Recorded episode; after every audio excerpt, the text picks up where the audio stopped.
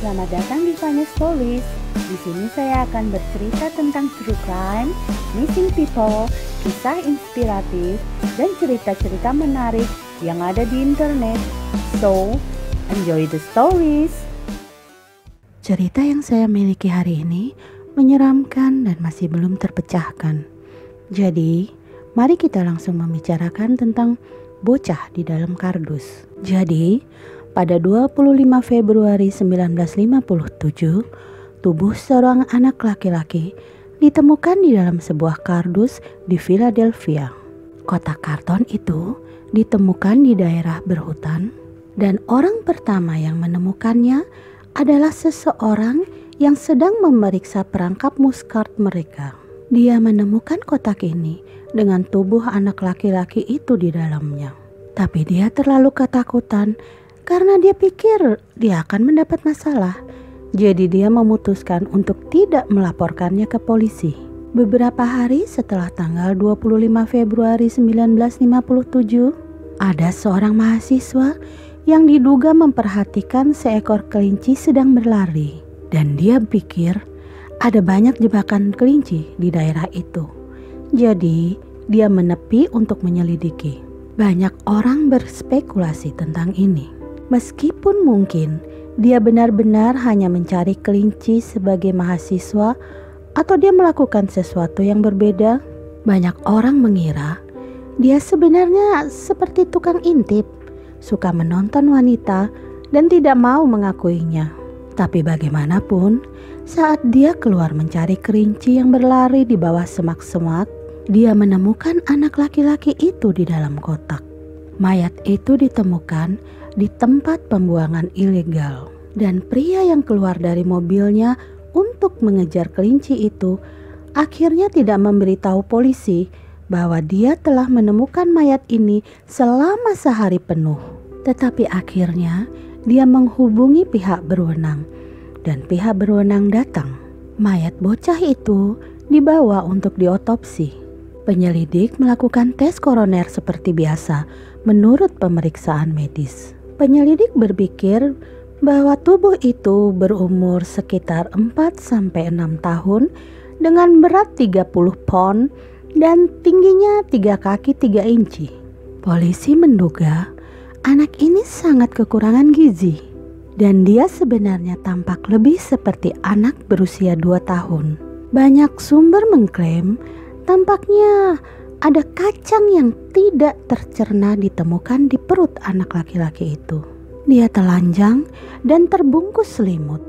Dan salah satu hal teraneh adalah rambut anak laki-laki itu baru saja dicukur. Bahkan ada potongan rambut yang baru dicukur di tubuhnya. Dan tidak hanya itu, dia juga terlihat seperti baru saja dimandikan. Ada bekas luka kecil di pergelangan kaki kirinya beberapa luka lecet di kepala, dan kemudian beberapa jenis cedera di daerah selangkangannya. Ketika semua ini terjadi, cuaca sangat dingin. Saat itu tengah musim dingin, dan itu membuat semakin sulit karena tubuhnya telah berada di luar sana selama berhari-hari. Polisi tidak dapat menentukan hal-hal seperti kapan dia mati, bagaimana dia mati, berapa lama dia di dalam kotak. Tidak ada yang mengklaim dia. Walaupun ada pengunjung dari negara bagian lain yang datang dan melihat apakah mereka mengenalinya. Polisi juga menyebar 400 selebaran dengan gambar anak laki-laki itu di berbagai negara bagian untuk dipasang untuk melihat apakah ada orang yang mengenalinya. Polisi juga membagikan foto postmortem berpakaian lengkap dalam posisi duduk, di mana dia jelas memiliki beberapa rekonstruksi di wajahnya. Karena mereka ingin membuatnya terlihat senormal mungkin, dengan harapan mungkin seseorang dapat mengenalinya. Namun, semua kerja keras dan usaha ini tidak mendapatkan satu petunjuk pun. Polisi juga memutuskan bahwa mereka akan membawa sidik jarinya ke semua rumah sakit setempat di daerah itu untuk melihat apakah ada di antara salah satu rumah sakit yang mendaftarkan anak itu di database mereka. tetapi tidak ada yang memiliki catatan lahirnya. Dan itu bisa berarti bahwa anak itu tidak dilahirkan di rumah sakit, dia lahir di rumah. Mari kita bicara tentang beberapa petunjuk kunci yang ditemukan di TKP. Salah satu petunjuk terbesar dari keseluruhan cerita ini jelas adalah kotak yang sebenarnya. Dari mana kotak ini? Dan beruntung bagi polisi, kotak itu memiliki nomor seri di atasnya dan terdaftar sebagai milik toko JC Penny hanya sekitar 15 menit dari TKP. Kotak itu digunakan untuk mengirimkan keranjang bayi. Polisi melacak 12 pelanggan yang telah membeli keranjang bayi. Namun semuanya membayar secara tunai. Jadi tidak satu pun dari mereka dapat dilacak. Tapi setelah beberapa hari, penyelidik dapat mengetahui bahwa kotak itu dikirim ke Upper Darby, Pennsylvania, yang merupakan kota sedikit di barat Philadelphia. Dan petunjuk besar lainnya adalah selimut yang membungkus bocah itu.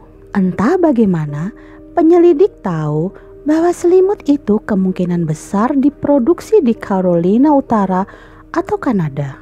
Tetapi sulit untuk mengetahui kapan tepatnya selimut itu dibeli dan siapa yang membelinya. Karena banyak sekali yang dijual, jadi itu seperti jalan buntu. Bukti besar lainnya yang ditemukan di TKP adalah topi biru. Itu adalah topi corduroy dengan jenis bahan tipe halus. Topi itu ditemukan sekitar 15 kaki dari kotak dan memiliki label dari perusahaan topi Eagle. Pemilik perusahaan ini adalah seorang wanita bernama Hannah Robbins yang berlokasi di Philly Selatan. Setelah melihat topi itu, Hannah dapat mengetahui dengan tepat siapa pemiliknya. Karena itu adalah topi khusus dan dia ingat membuatnya untuk orang tertentu. Katanya, pria berambut pirang itu berusia sekitar 26 tahun. Pria itu meminta untuk menambahkan tali kulit dan gesper di belakang topi. Dan tentu saja orang ini membayar tunai dan Hana tidak tahu siapa namanya atau di mana dia atau ke mana dia pergi. Jadi ini jalan buntu lainnya. Mari kita bicara tentang beberapa teori tentang apa yang bisa terjadi pada anak ini. Teori pertama berkaitan dengan petugas pemeriksa medis bernama Remington Bristow yang mempelajari kasus ini selama lebih dari 30 tahun. Orang ini pada dasarnya terobsesi dengan kasus ini. Dia menghabiskan ribuan dolar dalam penyelidikannya dan dia telah menghabiskan waktu berjam-jam mencoba untuk mengidentifikasi bocah itu sesuai dengan penemuannya. Dia bukan petugas polisi profesional yang sah, tapi dia penyelidik, penyelidik pribadi. Menurutnya, bocah itu meninggal karena sebab yang tidak disengaja. Karena faktanya, bocah itu baru saja dicukur. Artinya, dia diurus dengan baik dan alasan mereka tidak mengklaimnya karena mereka takut mendapat masalah karena akan dituduh melenyapkan nyawa atau semacamnya. Jadi mereka hanya diam saja. Remington juga mencari keluarga angkat yang tinggal sangat dekat dengan tempat bocah itu ditemukan. Pada tahun 1961, keluarganya akan pindah, jadi mereka mengadakan obral garasi. Remington memutuskan untuk menghadiri obral yang mereka selenggarakan dan ia menemukan keranjang bayi. Remington mengatakan bahwa keranjang bayi ini terlihat sangat pas di dalam kotak, dan dia berpikir kotak itu adalah pembungkus keranjang bayi ini. Remington mengatakan ada juga selimut di obral yang terlihat sangat mirip dengan barang bukti. Remington percaya bahwa salah satu putri di keluarga angkat ini hamil dan mereka tidak mau merawatnya karena itu memalukan. Jadi, mereka memutuskan untuk menghabisinya. Tapi teori itu tidak masuk akal. Karena jika Anda ingin meninggalkan bayi Anda, kenapa kamu tidak membuangnya ketika mereka masih bayi? Bocah ini setidaknya berumur 2 tahun. Pada tahun 1993, Remington meninggal. Seorang detektif Philly bernama Tom Augustine mengambil alih. Tom mendatangi rumah keluarga asuh ini. Dia percaya bahwa Anne Marie dan Arthur adalah orang tua dari anak laki-laki di dalam kotak. Anne Marie adalah putri tiri ketiga Arthur.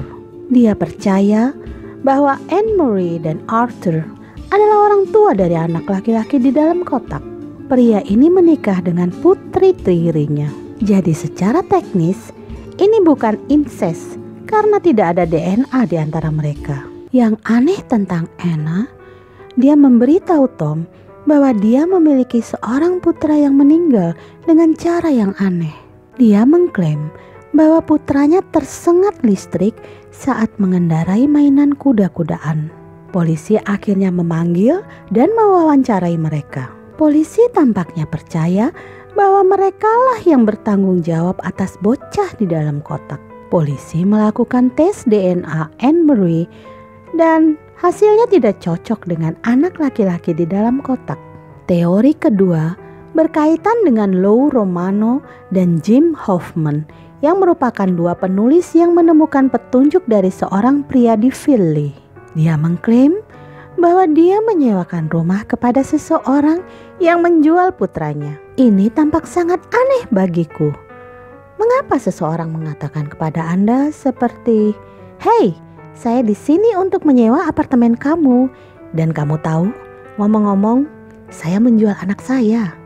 Teori ketiga adalah bahwa anak laki-laki itu berasal dari pasangan bernama Kenneth dan Irene Duddle.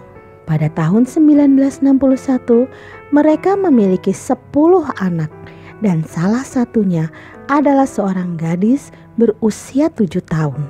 Sayangnya, Gadis ini akhirnya meninggal karena kekurangan gizi dan mereka mengatakan bahwa mereka memutuskan untuk membungkusnya dengan selimut dan membuang tubuhnya di hutan.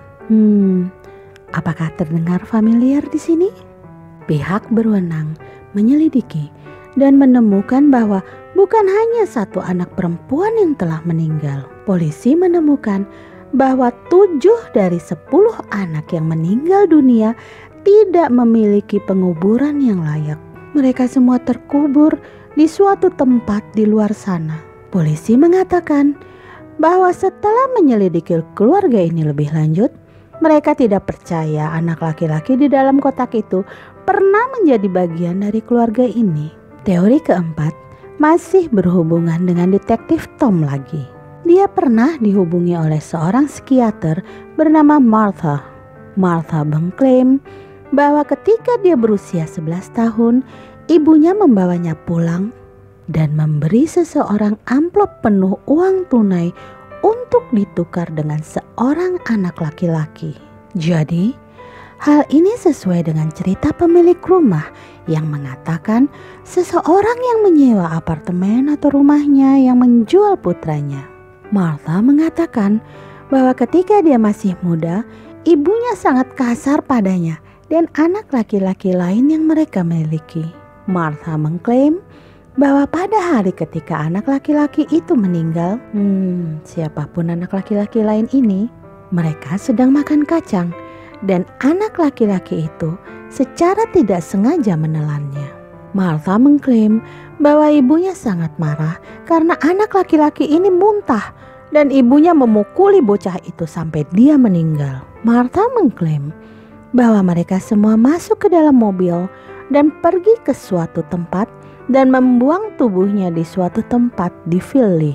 Martha berbicara dengan beberapa penyelidik dan mereka percaya bahwa ceritanya tampaknya meyakinkan. Dia dianggap sangat kredibel, namun penyelidik tidak dapat memastikan bahwa anak laki-laki di dalam kotak itu sama dengan anak laki-laki yang dia bicarakan. Teori terakhir agak aneh. Teori ini mengatakan bahwa anak laki-laki itu sebenarnya dipaksa menjadi perempuan.